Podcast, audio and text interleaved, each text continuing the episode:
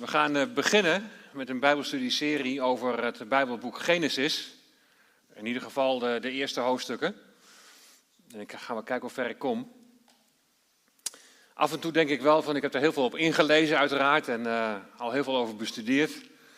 Af en toe denk ik ook wel, waar ben ik aan begonnen? Het is best wel uh, veelomvattend. En er wordt over bepaalde aspecten ook heel verschillend gedacht.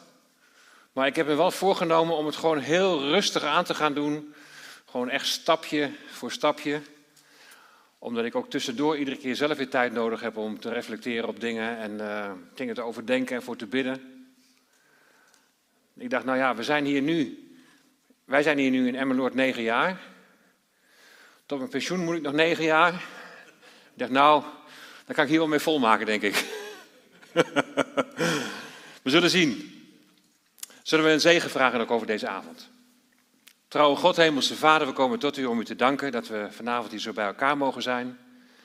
We danken u dat de mensen meekijken via de livestream. Heer, we hebben het verlangen, Heer, om, om uw woord te openen. Vanuit uw woord te leren en te groeien in het kennen van u. Heer, wilt u daarin heel veel genade geven. In het luisteren, in het opnemen, maar ook in het spreken. Heer, wilt u ons leiden door uw Heilige Geest.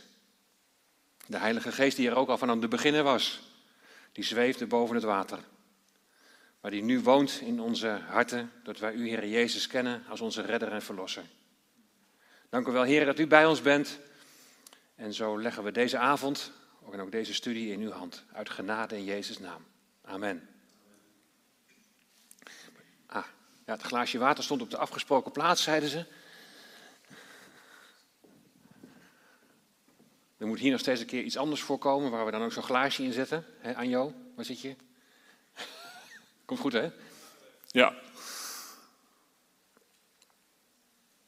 Zo. Nou, we gaan deze onderwijsavonden dus beginnen helemaal aan het begin van de Bijbel. We, beginnen, aan het, uh, we beginnen met het Bijbelboek Genesis vanaf hoofdstuk 1, vers 1. En ik wil eerst even aangeven wat de redenen nou zijn om met dit Bijbelboek te beginnen en waarom nou juist helemaal aan het begin. Nou, allereerst is er bij mij een heel sterk verlangen, maar dat hebben jullie denk ik al wel vaker geproefd, ook in prediking en onderwijs. Bij mij is heel sterk het verlangen om steeds meer te gaan ontdekken wat nou eigenlijk die, die rode draad door de Bijbel is. En de Bijbel komt van het woord biblios, dat betekent de Bijbel is een biblios, een bibliotheek van boeken en brieven. Maar tegelijkertijd is het ook één boek. Is het een eenheid. Het is één geheel en dan is 2 Timotheus 3 vers 16 wat mij betreft een heel belangrijk uitgangspunt. Waar staat heel de schrift is door God ingegeven.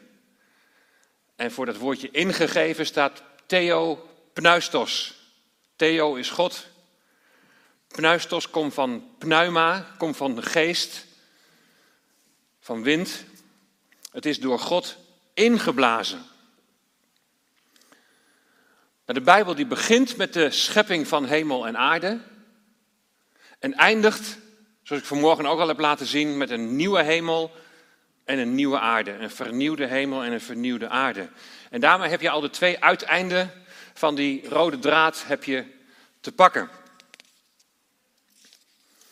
Straks zal ik de overeenkomsten laten zien.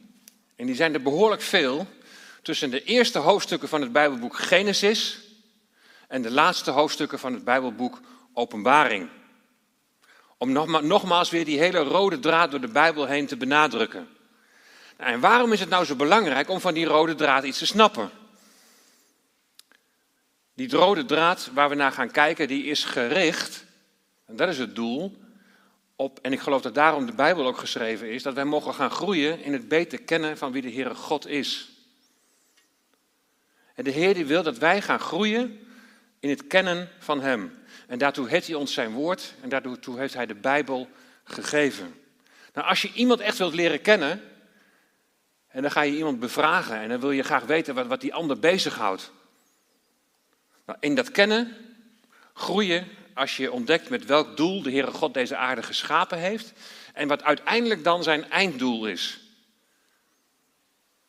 Niet dat we dat volledig 100% helemaal onder woorden zouden kunnen brengen. Daar hebben we misschien een heel leven wel voor nodig om daarachter te komen. Maar toch mogen we daar het een en ander in gaan ontdekken. En ook met welk doel heeft hij dan jou daarin geschapen? Groeien in het kennen van Hem. Groeien naar die volmaaktheid die er straks helemaal volledig zal zijn. We zijn in Christus, zijn we volmaakt. In Hem. Maar straks, dan zal het volledig 100% volmaakt zijn. Ik zeg daar ook direct bij dat dit kennen in dit leven nog heel beperkt is. Hij is zoveel groter dan wij kunnen beseffen. En laten we dat, ons dat ook steeds realiseren als we bezig zijn met het Bijbelboek Genesis en met Openbaring. Ons kennen is maar ten dele. Want Hij is zoveel groter dan dat wij kunnen bevatten. En dan moest ik denken aan 1 Korinthe 13, vers 12. Nu kijken wij immers nog door middel van een spiegel in een raadsel. Maar dan zullen wij zien, dan, dan zullen wij zien van aangezicht tot aangezicht. Nu ken ik ten dele, maar dan zal ik kennen zoals ik zelf gekend ben. Maar spiegels waren in die tijd van koper en die, die waren een beetje bol. Dus wat je dan zag, was toch enigszins misvormd. Je zag het niet helemaal 100% goed. En zo is het ook met het kennen van God, met het kennen van zijn heilsplan. En toch wil hij ons daar het een en ander in openbaren en mogen we in die openbaring, in het onderkennen van wat zijn plan dan is, mogen we daarin groeien. Ook al kunnen we nog maar een fractie verstaan van, van wat God allemaal doorgeeft, dan nog zullen we versteld staan. Het is zo groots, zo omvangrijk, een mensenleven is te kort om het te doorgronden. De rode draad door de Bijbel. Een tweede reden waarom ik graag wil beginnen aan het begin van de Bijbel, dat is het volgende. Op 10 Street, dat is het jongeren-event van operatie Mobilisatie, daar is aan jongeren gevraagd: wat zijn nou jullie vragen op het gebied van geloof? En daar kwam de volgende top 3 kwam daaruit. Ten eerste, hoe zit het nou met de betrouwbaarheid van de Bijbel in relatie tot de schepping? En hoe zit het dan met evolutie? Hoe zit het met hemel en hel was de tweede vraag. En ten derde, wat zegt de Bijbel over relaties? En hoe verhoudt zich dat tot LHBTIQ? Misschien nog wel meer. Nou, in deze drie vragen daar zit een samenhang. Als de Bijbel betrouwbaar is en als de hemel en de hel echt zijn, dan maakt het uit hoe ik leef. En deze drie vragen, die hebben alle drie hebben ze een raakvlak met het Bijbelboek Genesis. En wat de hel betreft ook met het Bijbelboek Openbaring en uiteraard wordt daar ook het een en ander over in de evangeliën gezegd. Nou, we gaan gewoon beginnen met de schepping. En we zullen gaandeweg gaan we ontdekken dat de Bijbel betrouwbaar is, omdat de Heere God betrouwbaar is en Hij de woorden heeft ingeblazen. Onze kleindochter die zit net op het voortgezet onderwijs. En uh, ze zit niet op een christelijke school. En in de eerste paar weken is evolutie en schepping al ter sprake geweest. Ze zitten er maar net op. Maar wat ik ervan begrepen heb, hebben ze het keurig naast elkaar uitgelegd en uh, is niet een bepaalde keuze opgedrongen. Maar we horen ook andere verhalen. Dat, je, dat je niet meer serieus wordt genomen als je nog gelooft in een God die de hemel en de aarde geschapen heeft. Of christelijke jongeren gaan zelf twijfelen. Twijfelen, want als ze met de evolutieleer worden geconfronteerd, wordt het bijna gebracht als iets van, ja, dit is gewoon algemeen geldend. En... De eerste reden om met Genesis te beginnen is het ontdekken van de rode draad door de Bijbel, het beter leren kennen van de schepper. De tweede reden is om te laten zien dat de Bijbel betrouwbaar is in relatie tot wat opgeschreven is over de schepping in Genesis 1 en 2. En een derde reden waarom ik graag wil beginnen bij het begin, is dat ik merk dat heel veel mensen het best wel lastig vinden om uit te leggen wat ze nu eigenlijk geloven.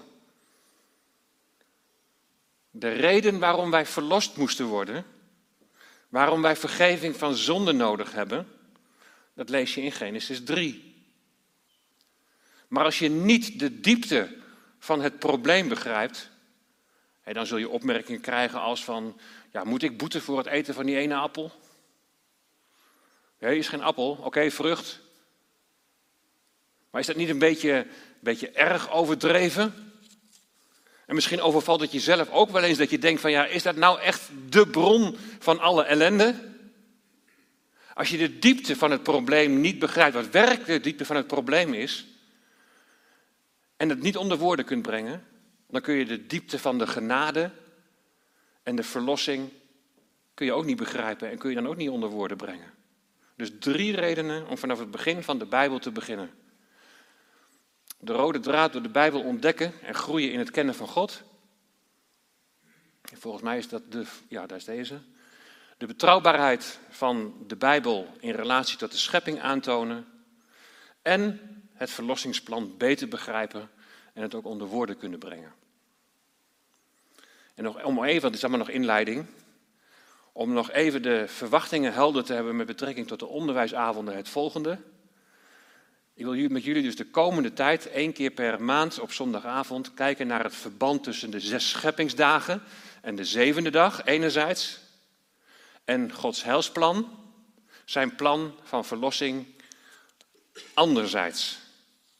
En die onderdelen van Gods heilsplan zijn Jezus' geboorte, zijn kruisiging, zijn opstanding, zijn hemelvaart, Pinksteren, de herschepping van de mens en het komende vrederijk.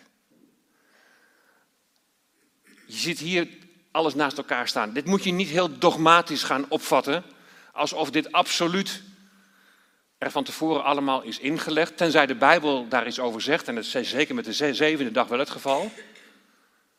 Maar ik denk dat het wel kan helpen, dat er heel veel overeenkomsten zijn, en, en dat het echt kan helpen om iets weer meer van die rode draad door de Bijbel heen te gaan begrijpen. En gaandeweg de studies zal ik ook proberen om steeds hier en daar even een stukje evolutieleer toe te lichten. En dan te laten zien of dat nou wel of niet op gespannen voet staat met Genesis 1 en Genesis 2. En ik zal proberen het zo eenvoudig mogelijk uit te leggen. Nou, ik moet voor mij, als ik daar dingen over lees of dingen over beluister, moet ik soms ook wat dingen drie keer beluisteren. En dan denk ik van, dan moet ik het eerst voor mezelf eenvoudig maken. Dus dat helpt. Hopelijk voor jullie ook. Want het is niet altijd makkelijk. Maar we gaan gewoon eerst, of gewoon, maar we gaan vanuit de Bijbel eerst gewoon kijken wat daar gezegd wordt over de schepping, voordat we er allerlei andere dingen naast gaan leggen. En vandaag geef ik eerst een inleiding over Genesis, het Bijbelboek Genesis, een inleiding over Genesis hoofdstuk 1. En dan gaan we, ja, ik ben er niet helemaal, ja, ik ben er wel klaar mee, maar dat zou te lang gaan duren. Maar ik zal het een groot deel van de eerste dag zal ik al gaan behandelen. Eerst dus een inleiding op Genesis en Genesis 1 in het bijzonder. Nou, Genesis is onderdeel van de Torah. En Torah, dat zijn de eerste vijf boeken hè, van wat wij dan het Oude Testament noemen. Maar het Oude Testament, dat is voor de Joden, is dat de Tenach. Ik merk dat mensen Torah en Tenach nog wel eens door elkaar halen. Maar Torah is dus echt de eerste vijf boeken van het Oude Testament. Genesis, Exodus, Leviticus, Numeri, Deuteronomium. En dan Tenach is het hele Oude Testament. En dan moet je die klinkers daar even weghalen, want die gebruiken de Joden niet. dan blijft er over T N C H van Tenach. En dan staat de T staat weer voor Torah. Dat zijn die eerste vijf boeken. De Nevi'im. En die hebben wij dan verdeeld in de kleine profeten en de grote profeten. Nou, klein of groot wil alleen maar zeggen hoe groot het boek is. Als het een heel klein boekje is van een profeet en is het een kleine profeet, is het een groot boek zoals Jezaja, Jeremia, Ezekiel.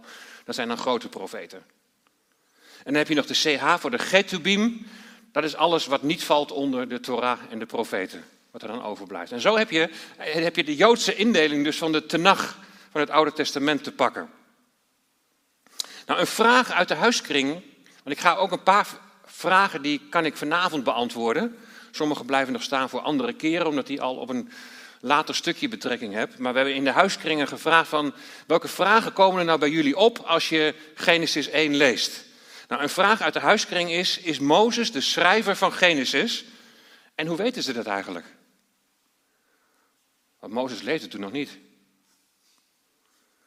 Nou, onderdeel van een theologieopleiding, van bijbelse theologie, is dat je per bijbelboek gaat onderzoeken van wie is de schrijver. En, en dat is belangrijk omdat je zo onder andere bepaalt of dat wat geschreven is betrouwbaar is. Het maakt heel veel uit of, zoals in dit geval, een profeet de schrijver is, want Mozes is een profeet, of dat zomaar een willekeurig iemand iets, iets opgeschreven heeft, iets nagelaten heeft. Nou, over dat auteurschap van Mozes, daar, daar valt heel veel over te zeggen. En bijvoorbeeld dat, ik zei net al van eh, in Exodus, Leviticus, Numeri en Deuteronomium, daar wordt hij met name genoemd, ook logisch, hè? hij leefde toen ook.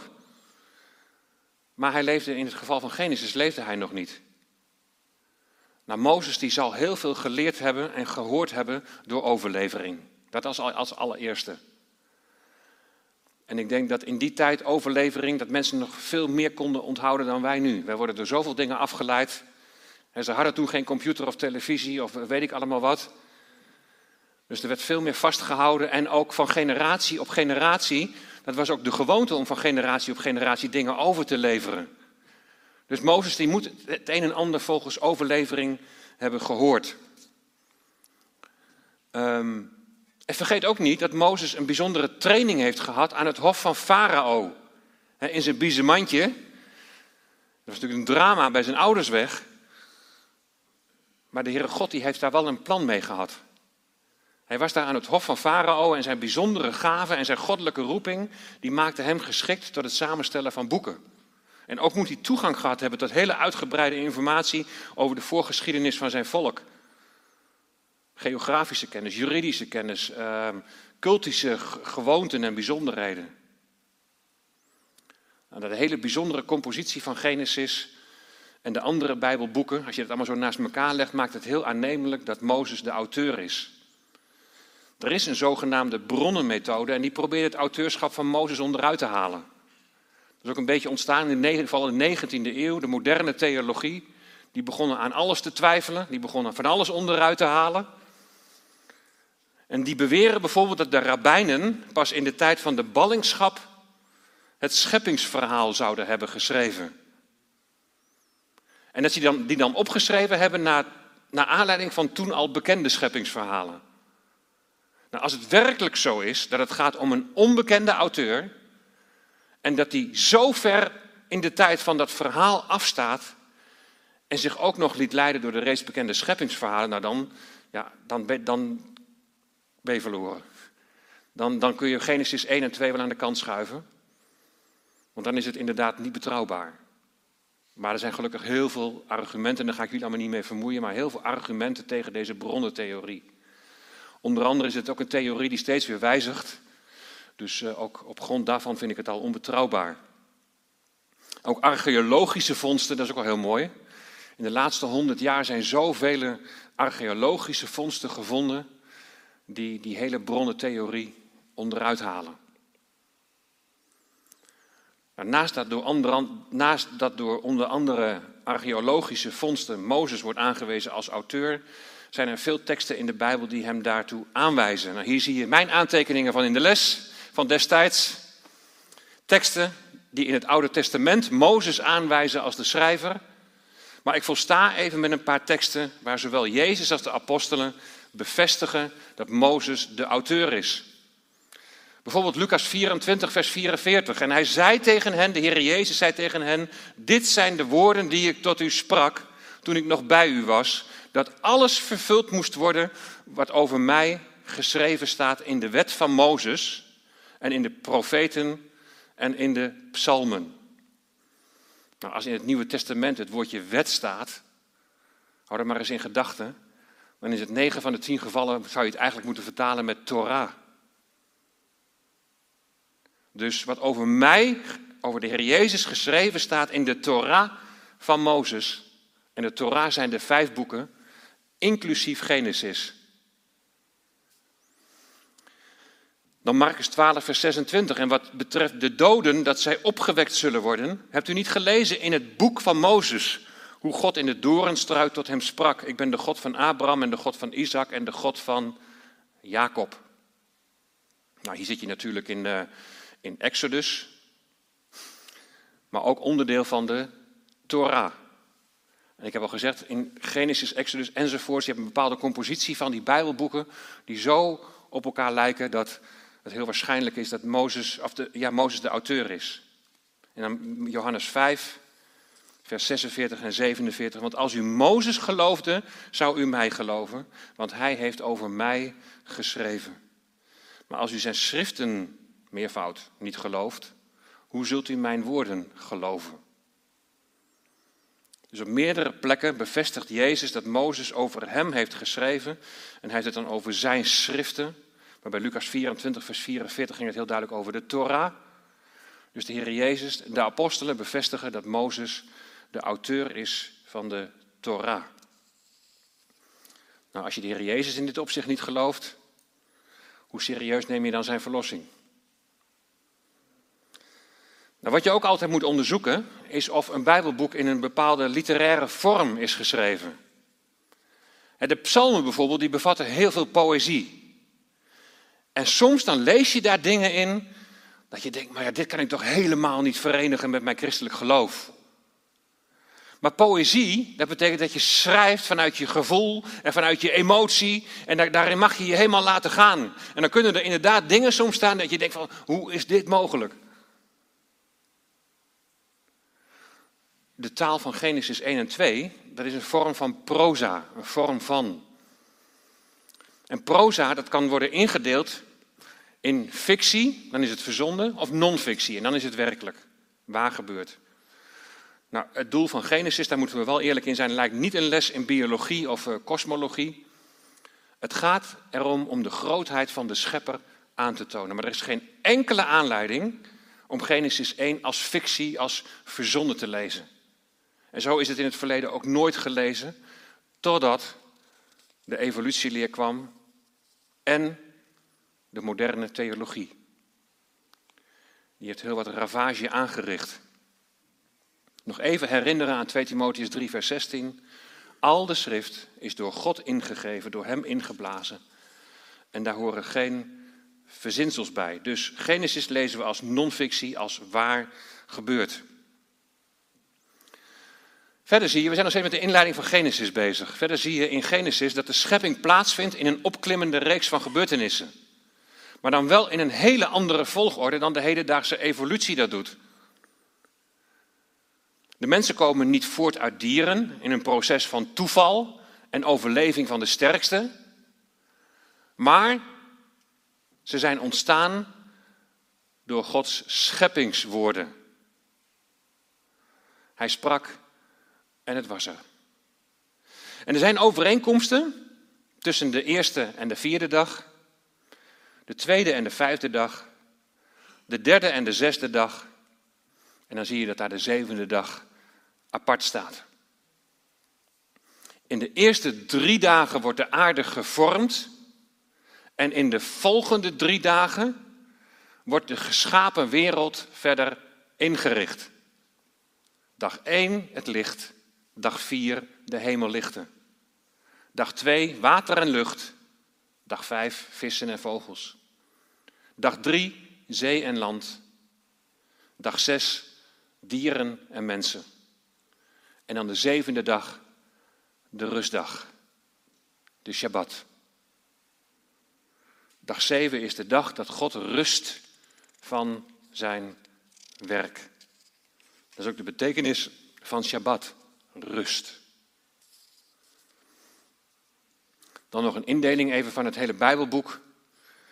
De eerste elf hoofdstukken, tenminste tot en met vers 9, heb je de schepping, de, zondvloed, de zondeval, de zondvloed, de torenbouw van Babel en dan zie je het ontstaan van de volkeren. Want ze worden over de aarde verspreid. En dan wordt Abraham geboren.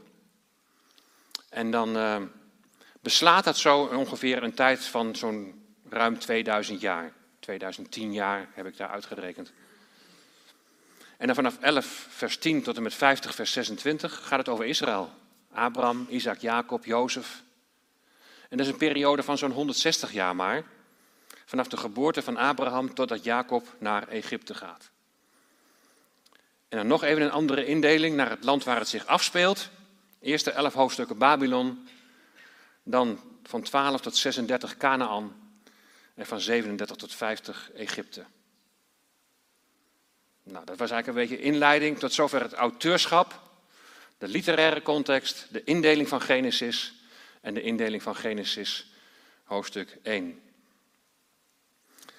Wat de rode draad betreft, dat gaf ik toen straks al even aan, is het ook heel interessant om te kijken naar het verband tussen de eerste drie hoofdstukken van Genesis en de laatste drie hoofdstukken van Openbaring. Er zijn verbanden die naast overeenkomsten ook een heel duidelijk verschil laten zien, maar het geeft wel een verband aan. En dat heeft te maken met het verschil tussen de schepping, zoals in Genesis 1, en de herschepping in Openbaring, nieuwe hemel en een nieuwe aarde. Nou, kijk maar eens even mee. Genesis 1, vers 1. In het begin schiep God de hemel en de aarde. En dan staat er in Openbaring 21. En ik zag een nieuwe hemel en een nieuwe aarde. En God maakte twee grote lichten, de zon en de maan. Genesis 1, vers 16. En de stad, Openbaring 21, vers 23. En de stad heeft de zon en de maan niet nodig, omdat Christus het licht zal zijn. Genesis 1, vers 5. En de duisternis noemde hij nacht. Maar in Openbaring 22, vers 5, daar staat: En er zal geen nacht zijn. Genesis 1, vers 10. En het samengevloeide water noemde hij zeeën. In Openbaring 21, vers 1. En de zee was er niet meer. De zee, de zeeën, de volkerenzee. Is de zee per definitie negatief? Vraag je misschien even over na te denken. Want wat opvalt bij de tweede scheppingsdag, dat is de enige dag dat er niet staat en hij zag dat het goed was. Heel bijzonder. Dan wordt de derde dag wordt dat weer ingehaald, dan staat het twee keer. En hij zag dat het goed was. Die derde dag is de dinsdag. Heel veel Joden die trouwen op de dinsdag. Dan heb je een dubbele zegen. Want hij zei twee keer en hij zag dat het goed was. En het gaat daar ook nog over vruchtbaarheid dus. Is je wel eens opgevallen bij de bruiloft de Cana? Als je daar gaat lezen, staat er op de derde dag. Daar begint het mee. Mooi hè? We waren gebleven bij Genesis 2, vers 10. Een rivier kwam voort uit Eden om de hof te bevochtigen. En dan staat er in openbaring, en hij liet mij een zuivere rivier zien van het water des levens, helder als kristal, die uit de troon van God en van het lam kwam. De aardbodem is om een wil vervloekt. En dan staat er in openbaring, maar en geen enkele vervloeking zal er meer zijn.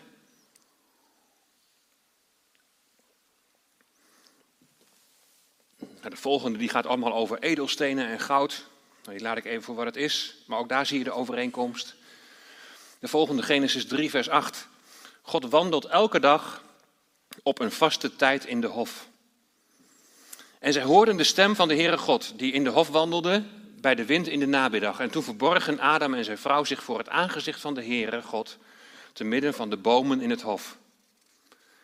In openbaring 21, vers 3 zien we dat God steeds blijft in de stad. En ik hoorde een luide stem uit de hemel zeggen: Zie, de tent van God is bij de mensen en hij zal bij hen wonen en zij zullen zijn volk zijn en God zelf zal bij hen zijn en hun God zijn. Bijzonder, er zoveel overeenkomsten, tenminste dingen die een verband met elkaar hebben: schepping en herschepping. Er is een tuin, ook plantte de Heere God een, een hof in Eden in het oosten en hij plaatste daar de mens die hij gevormd had, Genesis 2, vers 8. En in Openbaring 21, vers 10, daar zien we dat de tuin is een stad geworden. En hij voerde mij weg in de geest op een grote en hoge berg en liet mij de grote stad zien, het heilige Jeruzalem, dat neerdaalde uit de hemel bij God vandaan. Genesis 3, vers 19, want stof bent u en u zult tot stof terugkeren. Maar prijs de Heer, Openbaring 21, vers 4, en de dood zal niet meer zijn. De weg naar de boom des levens wordt in de tuin bewaakt. Maar in Openbaring 22, vers 14 staat, zodat zij recht mogen hebben op de boom des levens en de stad mogen binnengaan.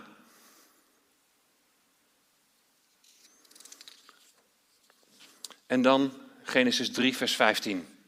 Een geweldige belofte. En ik zal vijandschap teweeg brengen tussen u en de vrouw en tussen uw nageslacht en haar nageslacht. Dat zal u de kop vermorzelen en u zult het de hiel vermorzelen. De heel vermorzelen slaat op de kruisiging van de Heer Jezus. Maar de kop vermorzelen is het, is het vermorzelen van de kop van de slang. Ik las gisteren nog dat, dat Iran zei, bij ons ligt de kop van de slang. Ik denk, nou ja, dat is prima, want die wordt vermorzeld. Maar wat staat er dan over die slang?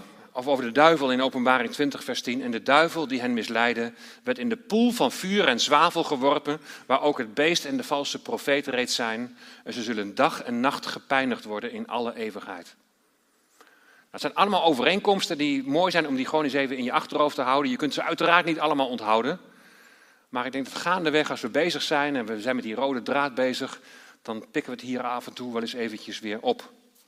Van waar staan we in Genesis en waar gaat het naartoe in openbaring? Prachtig om zoiets van Gods plan te mogen ontdekken. We gaan beginnen met Genesis 1, vers 1. In het begin schiep God de hemel en de aarde. Nou, deels zul je wat dingen misschien uit de prediking herkennen als je daarbij bent geweest of hebt geluisterd. En deels zal het ook nieuw zijn, want we gaan wel wat verdieping zoeken. En nog meer proberen om die rode draad te onderscheiden. En uiteindelijk gaan we kijken naar de parallel wat de heilsfeiten betreft.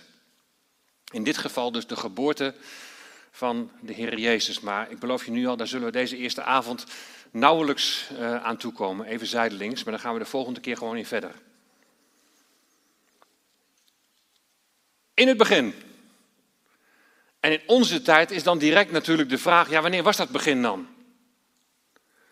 Maar zou die vraag ook zijn gesteld als de evolutieleer er niet zou zijn? Je hoort al gauw mensen zeggen dat deze leer, die evolutieleer, dat die binnen de wetenschappelijke wereld algemeen aanvaard is. Maar de wetenschap bestaat niet. Er zijn wetenschappers die zich met wetenschap bezighouden. En wetenschappers denken niet allemaal hetzelfde. Wetenschappers die denken heel divers. En er zijn ook wetenschappers die helemaal niet meegaan in die evolutieleer.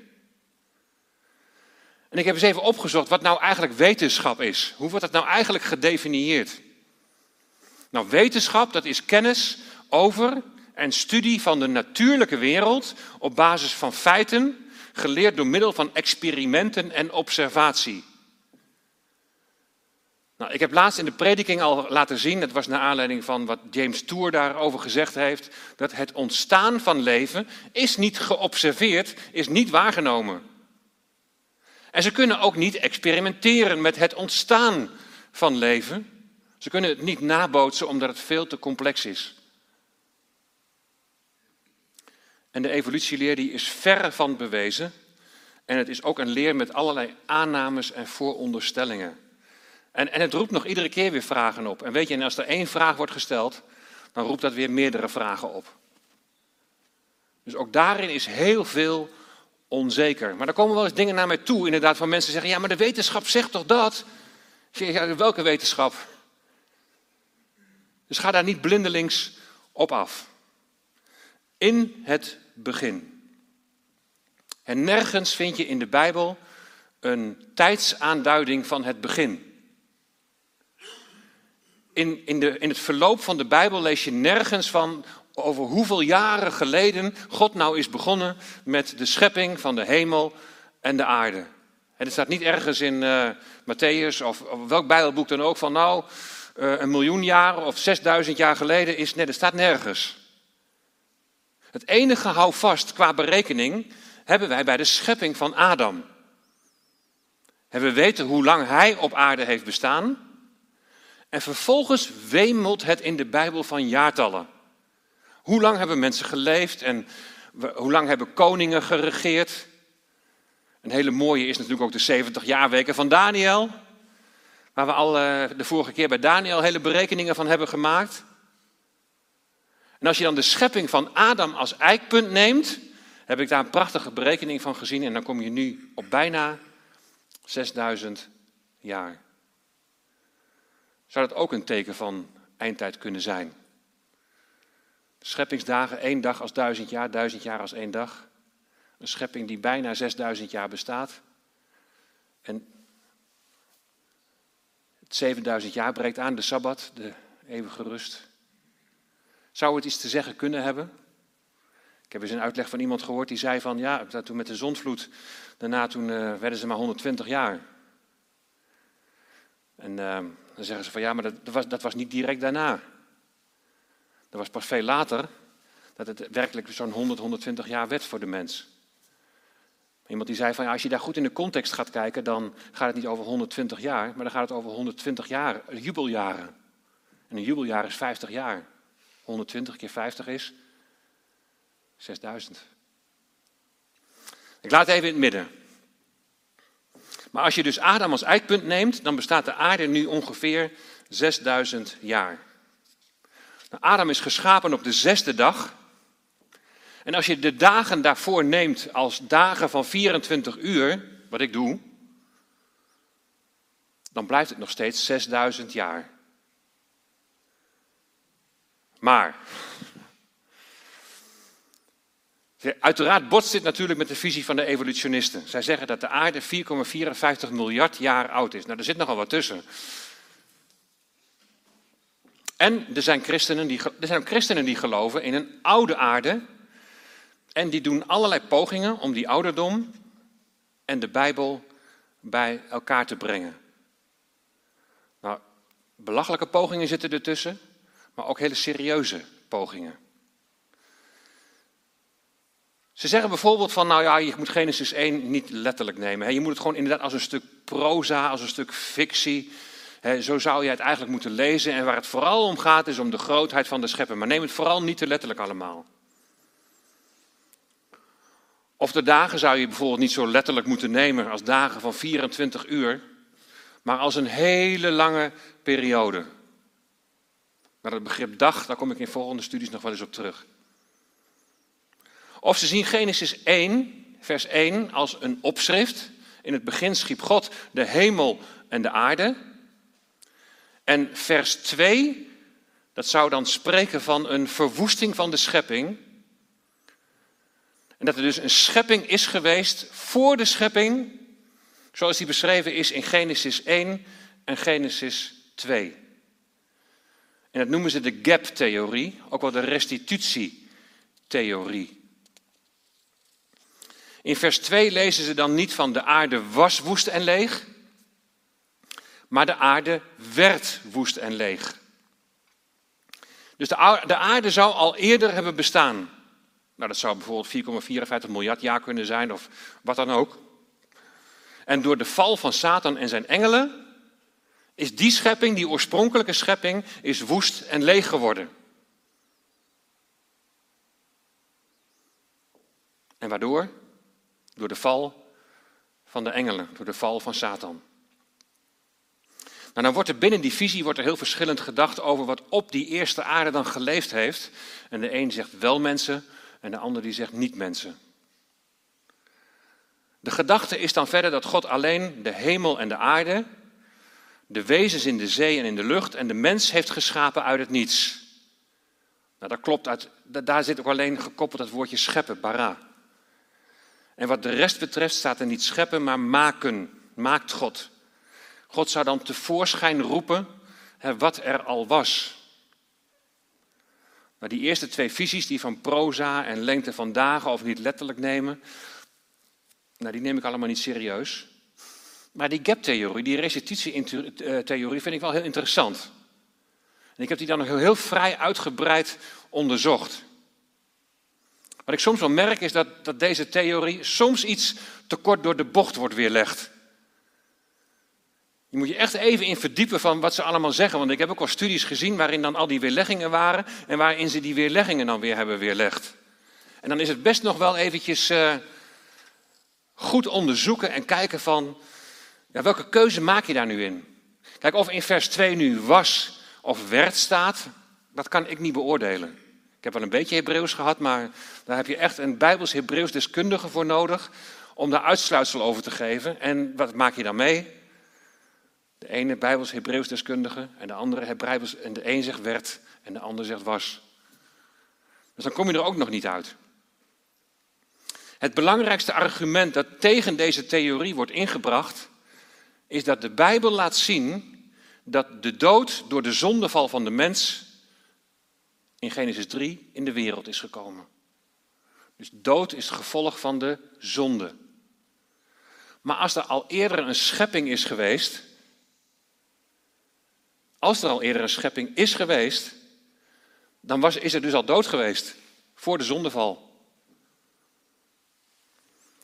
Nou, hoe leggen ze dat nou uit dan bij die restitutietheorie? Daar zegt men dat de stoffelijke afkomst van Adam de zonde veroorzaakt. Dus de stoffelijke afkomst van Adam veroorzaakt de zonde. En dat halen ze uit Genesis 3, vers 19, hè, want stof bent u en tot stof zult u wederkeren. En dan zeggen ze, ja, hier wordt niet over de zonde als oorzaak van de dood gesproken, zeggen ze dan. De mens sterft dan als gevolg van zijn afkomst uit het stof en hij sterft als gevolg van de zonde. Maar de conclusie van deze theorie is: de stoffelijke oorsprong, de stoffelijke oorsprong van de mens veroorzaakt de zonde en de zonde veroorzaakt de dood. Dat betekent dat Adam al als zondaar geschapen werd. Hier kan ik het, kan ik het niet meer in volgen. En misschien zijn er mensen die me wel kunnen overtuigen dat het wel klopt, dan, dan hoor ik dat graag, maar tot nu toe zie ik het niet.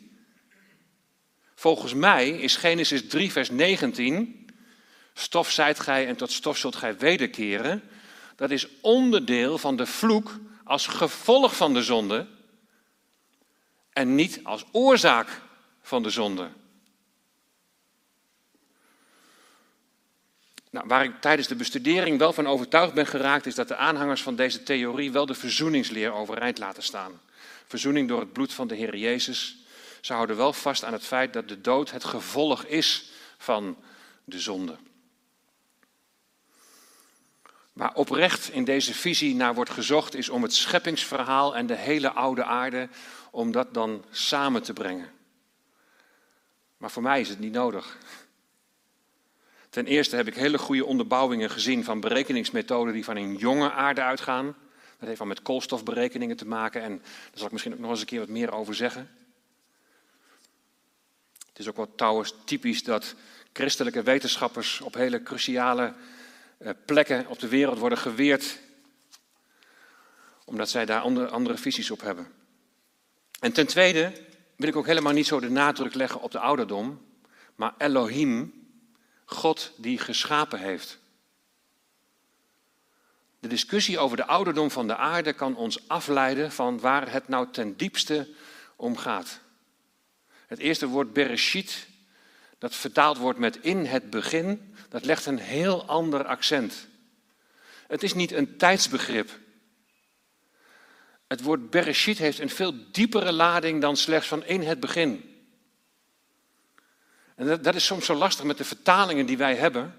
Die zijn soms zo arm en het kan ook haast niet anders. Maar dat het, het Hebreeuws zoveel dieper gaat. Want in dat in het begin, dat woordje Bereshit, daar zit ook al het einddoel in begrepen. En dat is bijzonder. God heeft iets geschapen, niet zomaar en niet zomaar willekeurig. Nee, hij heeft in het begin iets geschapen met al een einddoel op het oog.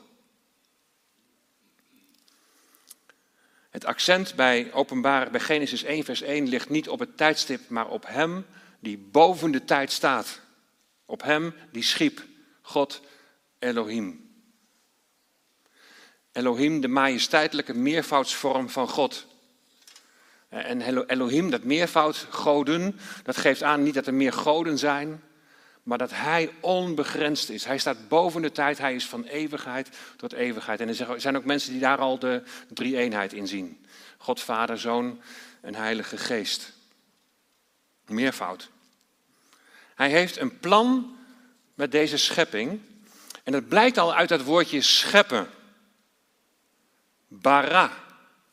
En bara, ik heb dat vanmorgen ook gezegd, is een specifiek woord voor scheppen dat alleen van toepassing is op het goddelijke scheppen. Het heeft de, bestemming, het heeft de betekenis van iets tot zijn bestemming brengen. Begin en einddoel en dat tot zijn bestemming gaan brengen. Bara. En dat is vanmorgen wil ik dus laten zien dat bara, dat het, het scheppen, dat het baren is. Maar dan gaan we er even wat dieper op in waar ik dat op baseer. Scheppen is baren. In Deuteronomium 32 wordt het volk van God aangeklaagd dat ze van zijn weg zijn afgeweken en dat ze nu de afgoden achterna lopen. En dan staat er in Deuteronomium 32, vers 18: U vergat de God die u gebaard heeft, u verwierp de rots die u ter wereld bracht. Nou, hier zie je al het verband tussen scheppen en baren. En in dit geval gaat het dan om de mens. U vergat de God die u gebaard heeft. En zoals een moeder een kind baart, zo baarde God de aarde en alles wat daarop is en leeft.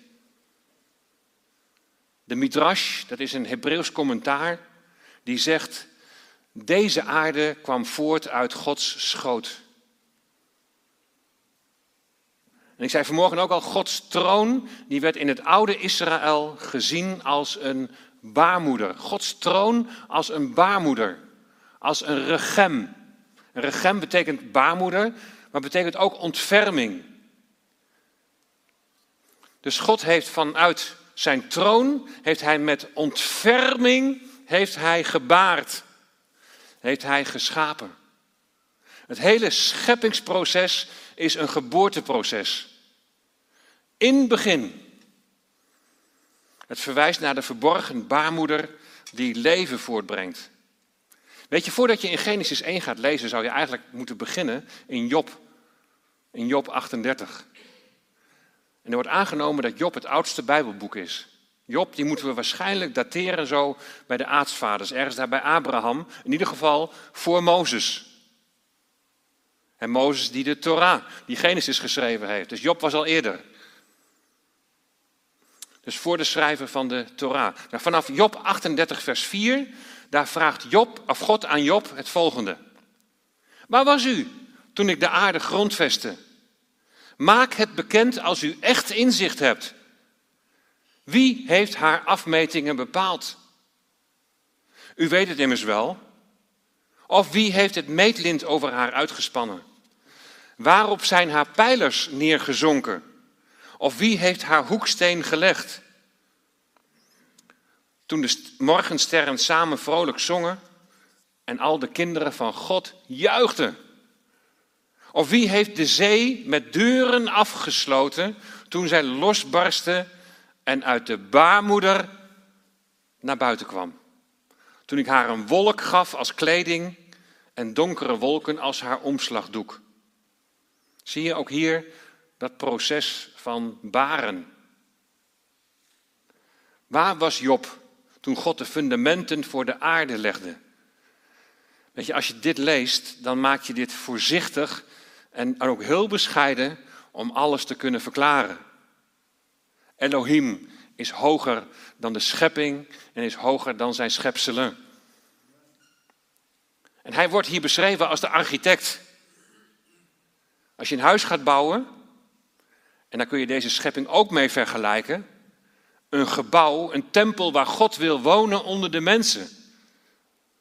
Nou, als je een huis gaat bouwen, dan gaat daar heel wat vooraf aan het moment dat je de eerste steen legt. De architect moet aan het werk om de afmetingen te bepalen. En onze grote architect, met alle eerbied gesproken, onze grote architect heeft als het ware zijn meetlint uitgespannen.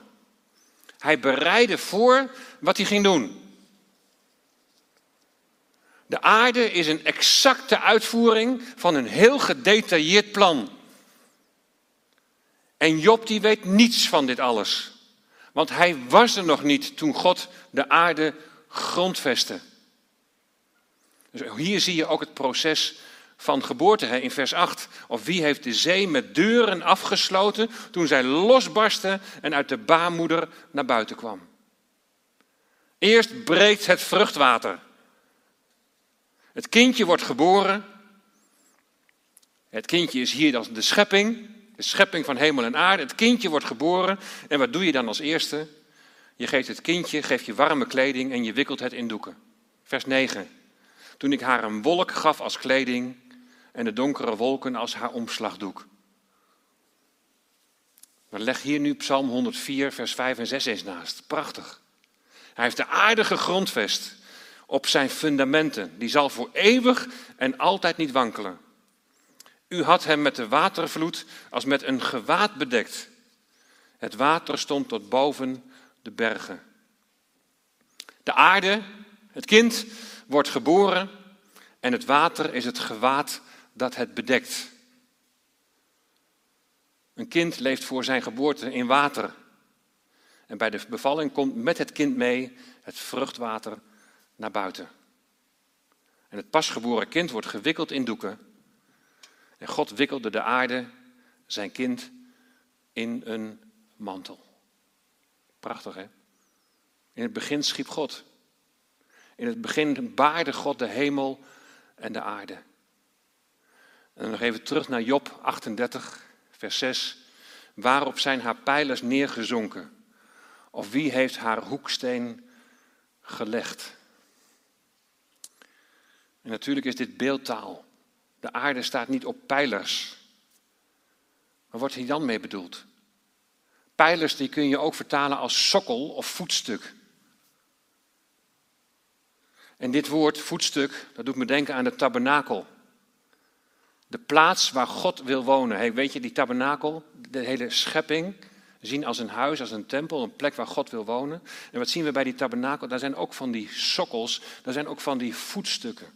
En alles in de tabernakel, alle onderdelen van de tabernakel, die wijzen naar de Heer Jezus. Ook die voetstukken wijzen erop dat Jezus de drager is, die drager van die, van die palen, en dat hij de drager is van het leven. Wie heeft haar hoeksteen gelegd? Wie is de hoeksteen? De hoeksteen is de Heer Jezus, de drager van het leven. De wereld lijkt hier vergeleken te worden met een tempel, een huis voor God om in te wonen. God baarde in zijn zoon een plek om te wonen onder de mensen die later worden geschapen op de zesde dag. De vraag die wordt wel eens gesteld, wanneer de engelen zijn geschapen. En dus ook de Satan. Nou, in Job 38, vers 6 daar wordt gesproken over het funderen van de aarde. En dan staat er in vers 7, toen de morgen, dus bij dat funderen van de aarde, toen de morgensterren samen vrolijk zongen en al de kinderen, eigenlijk dat de zonen, dat is in de herziene statenvertaling wel vaker, dat het met de kinderen wordt vertaald, maar dat er eigenlijk zonen staat. En al de zonen van God juichten. De morgensterren, letterlijk de sterren van de ochtend, die juichten toen de fundamenten van de aarde werden gelegd. Maar wie zijn dan die morgensterren? Nou, er wordt niet letterlijk sterren bedoeld, want er zijn een paar redenen voor. Ze juichen en ze worden als personen voorgesteld. Ze staan parallel met de zonen van God, wat ook op engelen duidt. En in Ugarit, daar zijn heel veel uh, vondsten gedaan, heel veel kleitabletten gevonden. En daar hebben ze ook de term gevonden, de sterren van El. En die werden daar aangeduid als geschapen wezens met een hele hoge status. En zij jubelen van vreugde als ze zien wat de Heere God aan het doen is ter voorbereiding om het maken van een woonplaats voor Hem. Dus het is op grond van dit gedeelte in Job aannemelijk dat God deze morgensterren, deze engelen met een hoge status en de zonen Gods, die ook engelen zijn, eerder geschapen heeft dan de aarde. De duivel juichte nog mee. Weet je dat? Die duivel die juichte toen nog mee. In Ezekiel 28, daar gaat het over de koning van Tyrus. Maar daar zie je ook duidelijk dat er een verwijzing is naar de Satan. En dan staat er in vers 13 van Ezekiel 28. U was in de hof van Eden. De hof van God. Allerlei edelgesteente was uw sieraad. Robijn, topaas, diamant, turquoise, onyx en jaspis. Saffier, smaragd, beryl en goud. Het werk van uw tamboerijnen en uw fluiten was bij u. Satan was de aanbiddingsleider. Op die dag dat u geschapen werd, waren ze gereed. Eigenlijk wordt daar nog heel positief over hem gesproken. Hij was in de hof van Eden. Is het dan al eerder dan deze schepping een val geweest, zoals de gap-theorie beweert? Laatst, toen las ik de suggestie, want we komen er nooit helemaal 100% uit wanneer nou precies die val van de Satan is geweest. Maar laatst las ik de suggestie dat de verleiding van de mens ook tegelijk de val van de Satan is geweest. Uit jaloersheid de mens verleiden, omdat de mens over de schepping mocht heersen. Hoezo? En wij dan? Zoiets. Maar goed, we komen er nooit helemaal 100% achter. In ieder geval zijn de engelen en Satan volgens mij geschapen voor de schepping van de hemel en de aarde. En dat brengt me weer bij een vraag van de huiskringen. Als de engelen en ook Satan voor Genesis 1, vers 1 zijn geschapen, hoe kan het dan dat in Genesis 1, vers 1 pas de hemel is geschapen? Is die overgekomen? Als de engelen en ook Satan voor Genesis 1, vers 1 zijn geschapen, hoe kan het dan dat in Genesis 1, vers 1 pas de hemel is geschapen? In het begin schiep God de hemel en de aarde. We hebben al eerder gezien hè, dat, dat de Heere God, dat Elohim in het meervoud staat. Wat erop duidt dat hij onbegrensd is. Hij is niet beperkt door ruimte en tijd. Maar hemel, Hashemayim, staat ook in het meervoud. Dus eigenlijk staat er in het begin schiep goden de hemelen en de aarde. Hemelen. De vraag is dus wat met die hemelen wordt bedoeld. Nou, de Bijbel die spreekt onder andere over een derde hemel. In 2 Korinthe 12, vers 2 tot en met 4, daar staat: Ik ken een mens in Christus 14 jaar is het geleden. Of het in het lichaam gebeurde, weet ik niet. Of buiten het lichaam, weet ik niet. Gelukkig wist Paulus ook niet alles. God weet het. Dat zo iemand tot in de derde hemel werd opgenomen. En ik weet dat deze mens, of het in het lichaam of buiten het lichaam gebeurde, weet ik niet. God weet het. Dat hij werd opgenomen in het paradijs. En onuitsprekelijke woorden heeft gehoord die het een mens niet geoorloofd is uit te spreken. In relatie tot de derde hemel gaat het hier over het zijn in de aanwezigheid van God. De derde hemel is waar God woont. Die hemel is niet geschapen en valt ook niet onder de nieuwe hemel die nog gaat komen. De geschapen hemel en straks de herschapen hemel heeft betrekking op de eerste en de tweede hemel. De eerste hemel is de dampkring, de atmosfeer, en daar drijven de wolken en daar vliegen de vogels. De tweede hemel, dat is de ruimte, daar bevinden zich de zon, maan en sterren, de planeten, de sterrenstelsels. En dan de derde hemel behoort tot de onzienlijke dingen, de woonplaats van God. Dus die valt niet onder de schepping, ook niet onder de herschepping. De derde hemel is waar God woont en zijn engelen. De engelen zijn dus geschapen voor het scheppen van de eerste en de tweede hemel. Nou, ik hoop dat het antwoord zo voldoende is uh, toegelicht.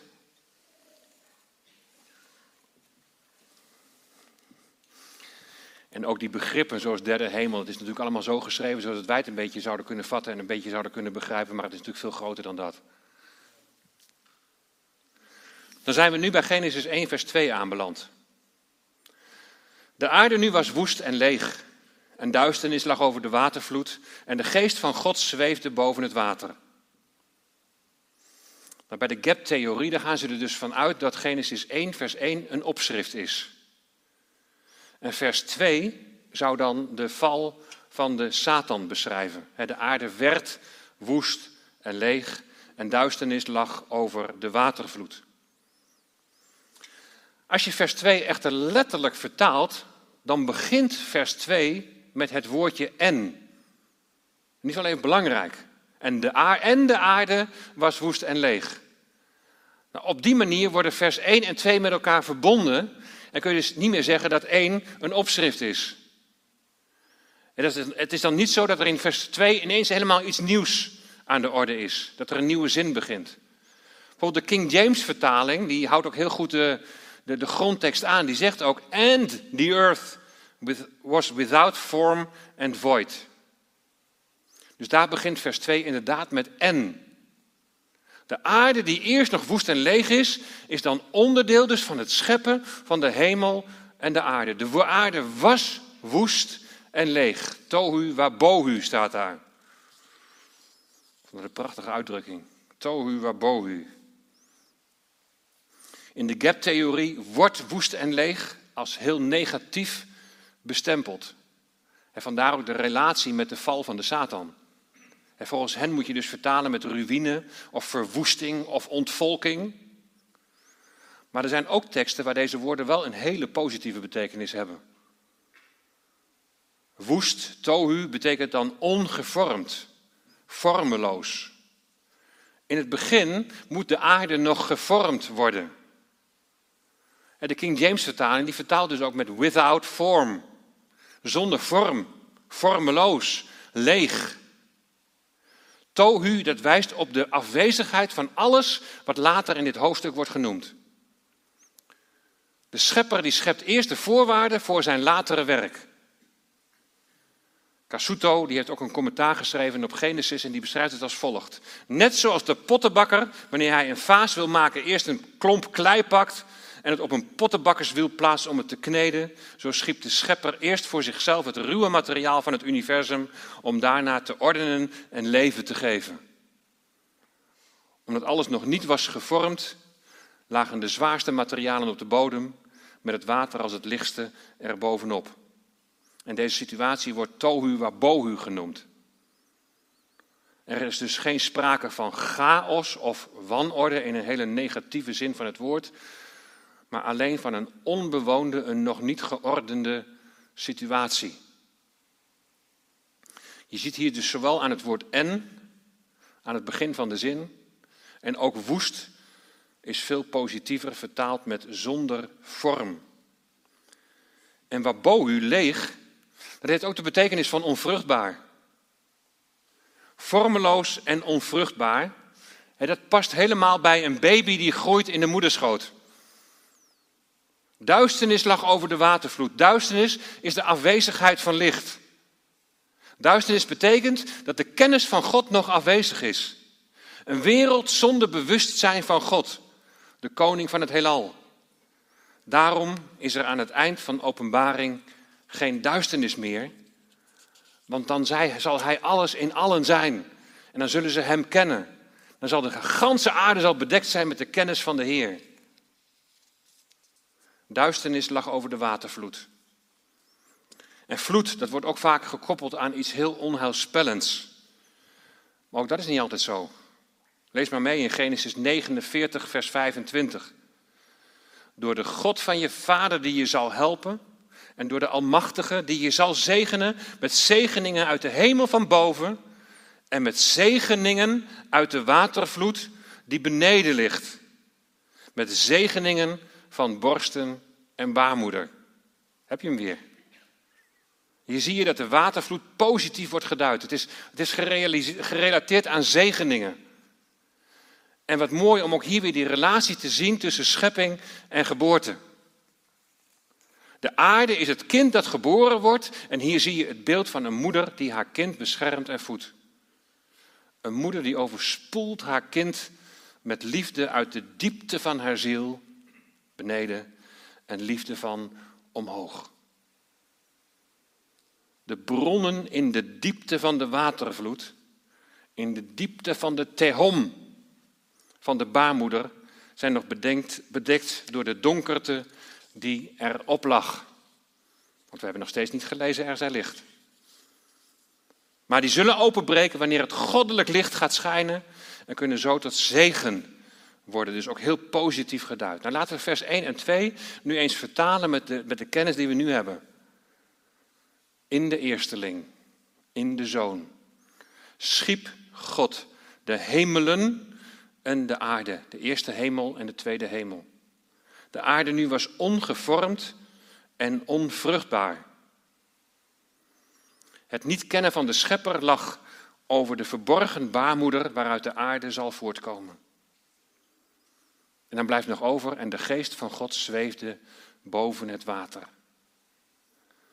Weet je hoe je dat ook kunt vertalen? De geest van God broedde op het wateroppervlak. De geest van God broedde op het wateroppervlak. Het Hebreeuwse woord dat gebruikt wordt, dat is het woord dat past bij bijvoorbeeld een adelaar als die in de lucht zweeft. Dan doet je denken aan Deuteronomium 32, vers 11. Zoals een arend zijn nest opwekt, boven zijn jongen zweeft, zijn vleugels uitspreidt, ze pakt en ze draagt op zijn vlerken. De Heilige Geest was als het ware onderweg, zwevend, rondspeurend naar een plek om te landen en het volgende werk aan te vangen. En dat is het beeld dat we krijgen van de geest van God in de eerste verse van de Bijbel. Later zien we natuurlijk dat hij vanuit het woeste en het lege iets nieuws maakt. Het ongevormde en het onvruchtbare. Maar het eerste beeld dat we krijgen van de geest is die van afwachtendheid. Afwachtendheid. God keek in het begin op dezelfde manier naar deze aarde als een nest. Als een baarmoeder waarin jong leven is gekomen. En dan is de vraag, wat was nou eigenlijk het werk van de geest bij de schepping? Wat was nou het werk van de geest bij de schepping? De schepping, de geest komt van het woordje ruach. En ruach betekent ook wind. Dus geest of wind. Misschien dat een gebeurtenis veel later bij de uittocht in Egypte, dat het ons kan helpen om het werk van de geest te verstaan. Daar staat in Exodus 14, vers 21, toen strekte Mozes zijn hand uit over de zee en de Heere liet de zee die hele nacht wegvloeien door een krachtige oostenwind. Ruach.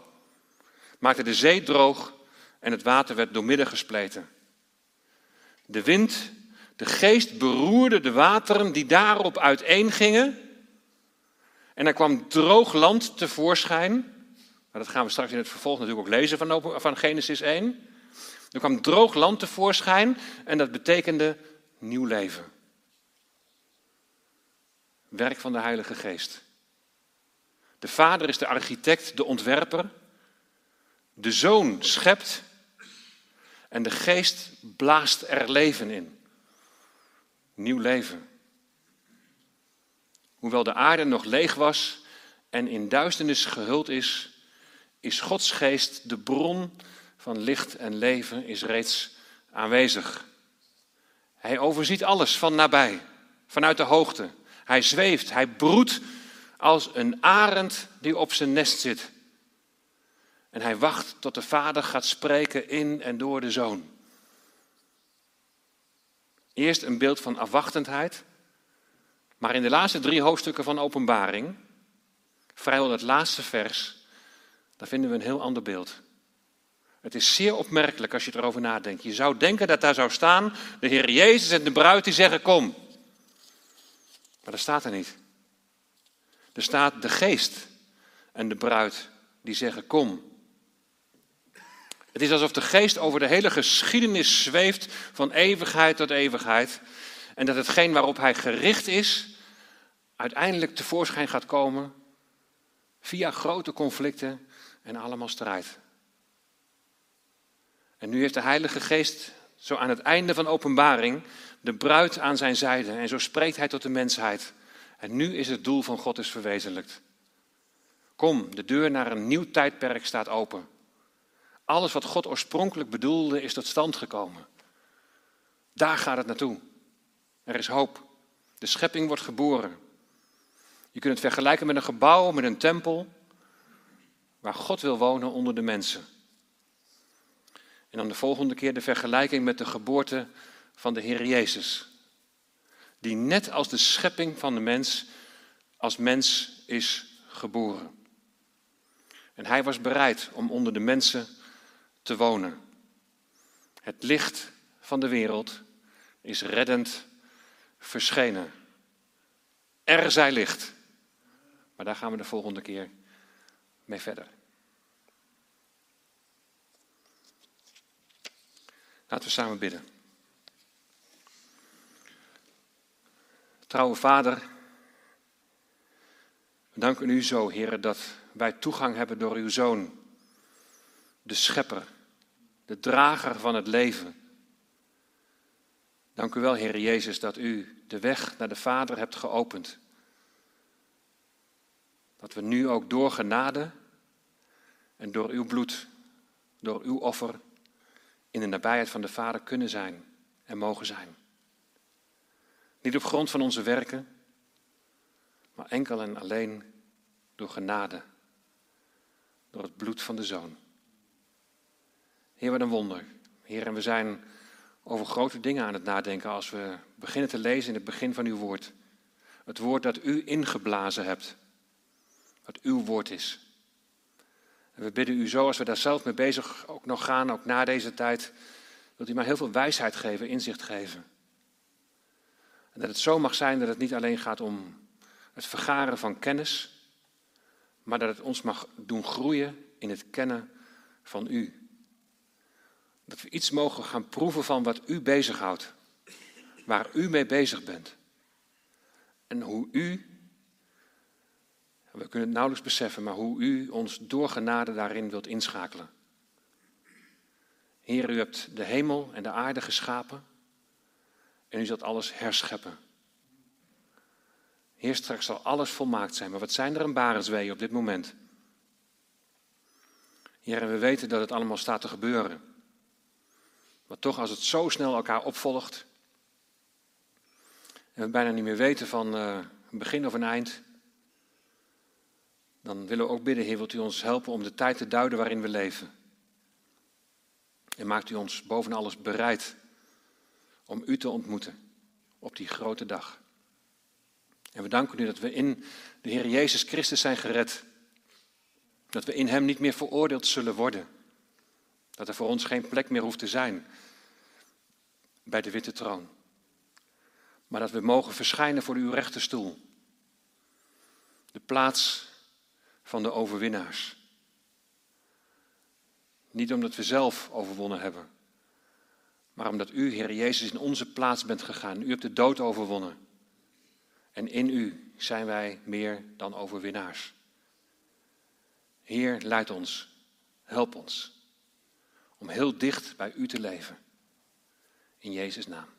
Amen.